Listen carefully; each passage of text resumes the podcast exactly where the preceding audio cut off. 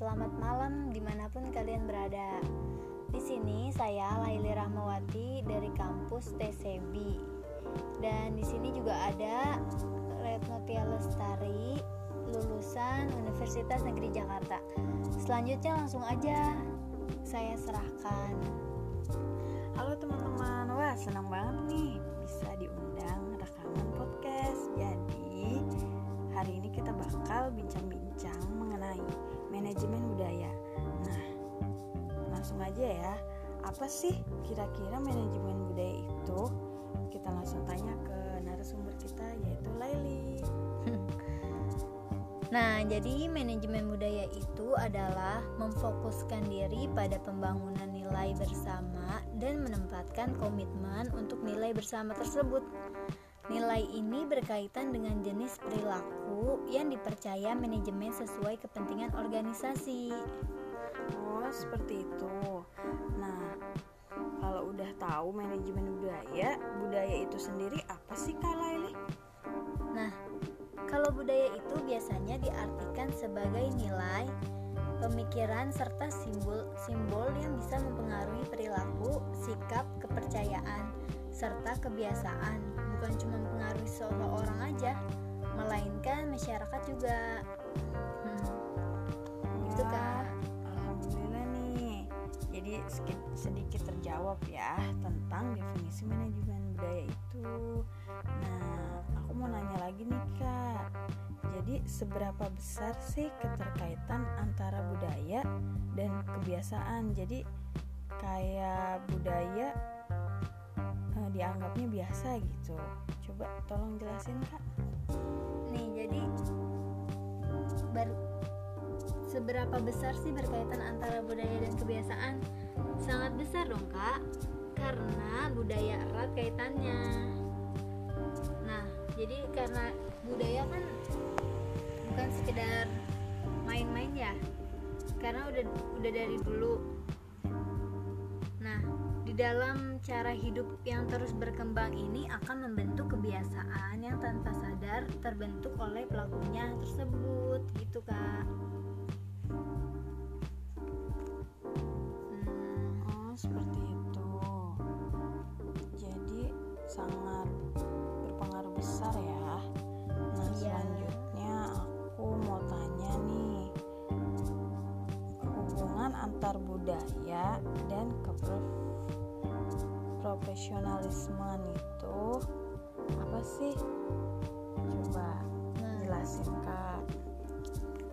Kalau bicara masalah masalah hubungan budaya sama profesional nih emang gak ada habisnya kak. Budaya itu kan udah menjadi suatu kebiasaan ya? Iya betul. Kebiasaan di daerah atau tempat tertentu. Nah kalau misalnya berkaitan dengan organisasi atau atau perkantoran yang tentunya mengedepankan profesionalisme. Maka memang budaya yang sebelumnya kita temui di organisasi sebelumnya jangan pernah dibawa ke dalam organisasi yang baru.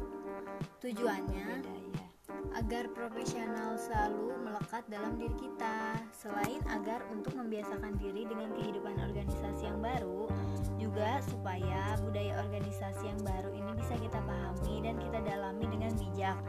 agar kita bisa bekerja dengan seprofesional mungkin gitu sih menurut aku pribadi.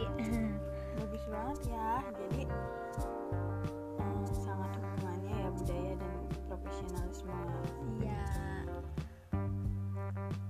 Lalu mau nanya lagi nih jadi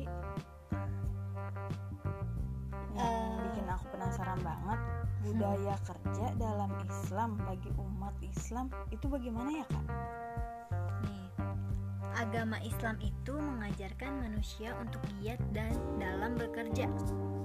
Namun, dalam bekerja tetap harus sesuai dengan syariat agama juga kan? Nah, dengan mengedepankan kejujuran, kedisiplinan, dan keikhlasan. Bekerja itu ibadah. Selama apa yang kita kerjakan oleh kita adalah untuk tujuan yang baik dan benar. Itu kan?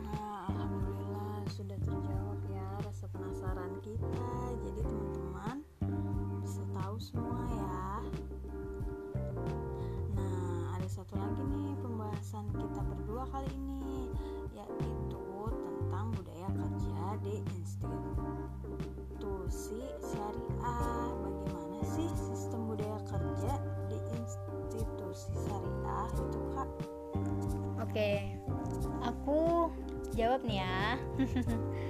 Jika mau menerapkan sistem syariah, maka sebaiknya hal itu dilakukan secara integral atau secara menyeluruh. Misalnya, dalam bisnis atau perusahaan, kita jangan hanya memikirkan cara dan produk yang bernilai syariah yang digunakan, akan tetapi budaya kerja syariah untuk perusahaan juga perlu untuk diadopsi dengan baik karena agar setiap dilakukan oleh perusahaan memang terpacu dan berdasar pada nilai-nilai syariah. Nah, bagus banget ya bincang-bincang kita hari ini. Jadi teman-teman juga banyak yang tahu, nambah ilmu tentang manajemen budaya. Ternyata masih banyak ya yang belum kita temui, belum kita jumpai di kehidupan kita yang sehari-hari. Insya Allah nantinya kita untuk masa depan kehidupan kita selanjutnya di masa depan. Amin. Oke, alhamdulillah cukup sekian podcast kita hari ini yang membahas tentang manajemen syariah. Mudah-mudahan bisa menjadi tambahan ilmu yang bermanfaat buat teman-teman semua semua. Amin. Sekian dari kami berdua. Wassalamualaikum warahmatullahi wabarakatuh.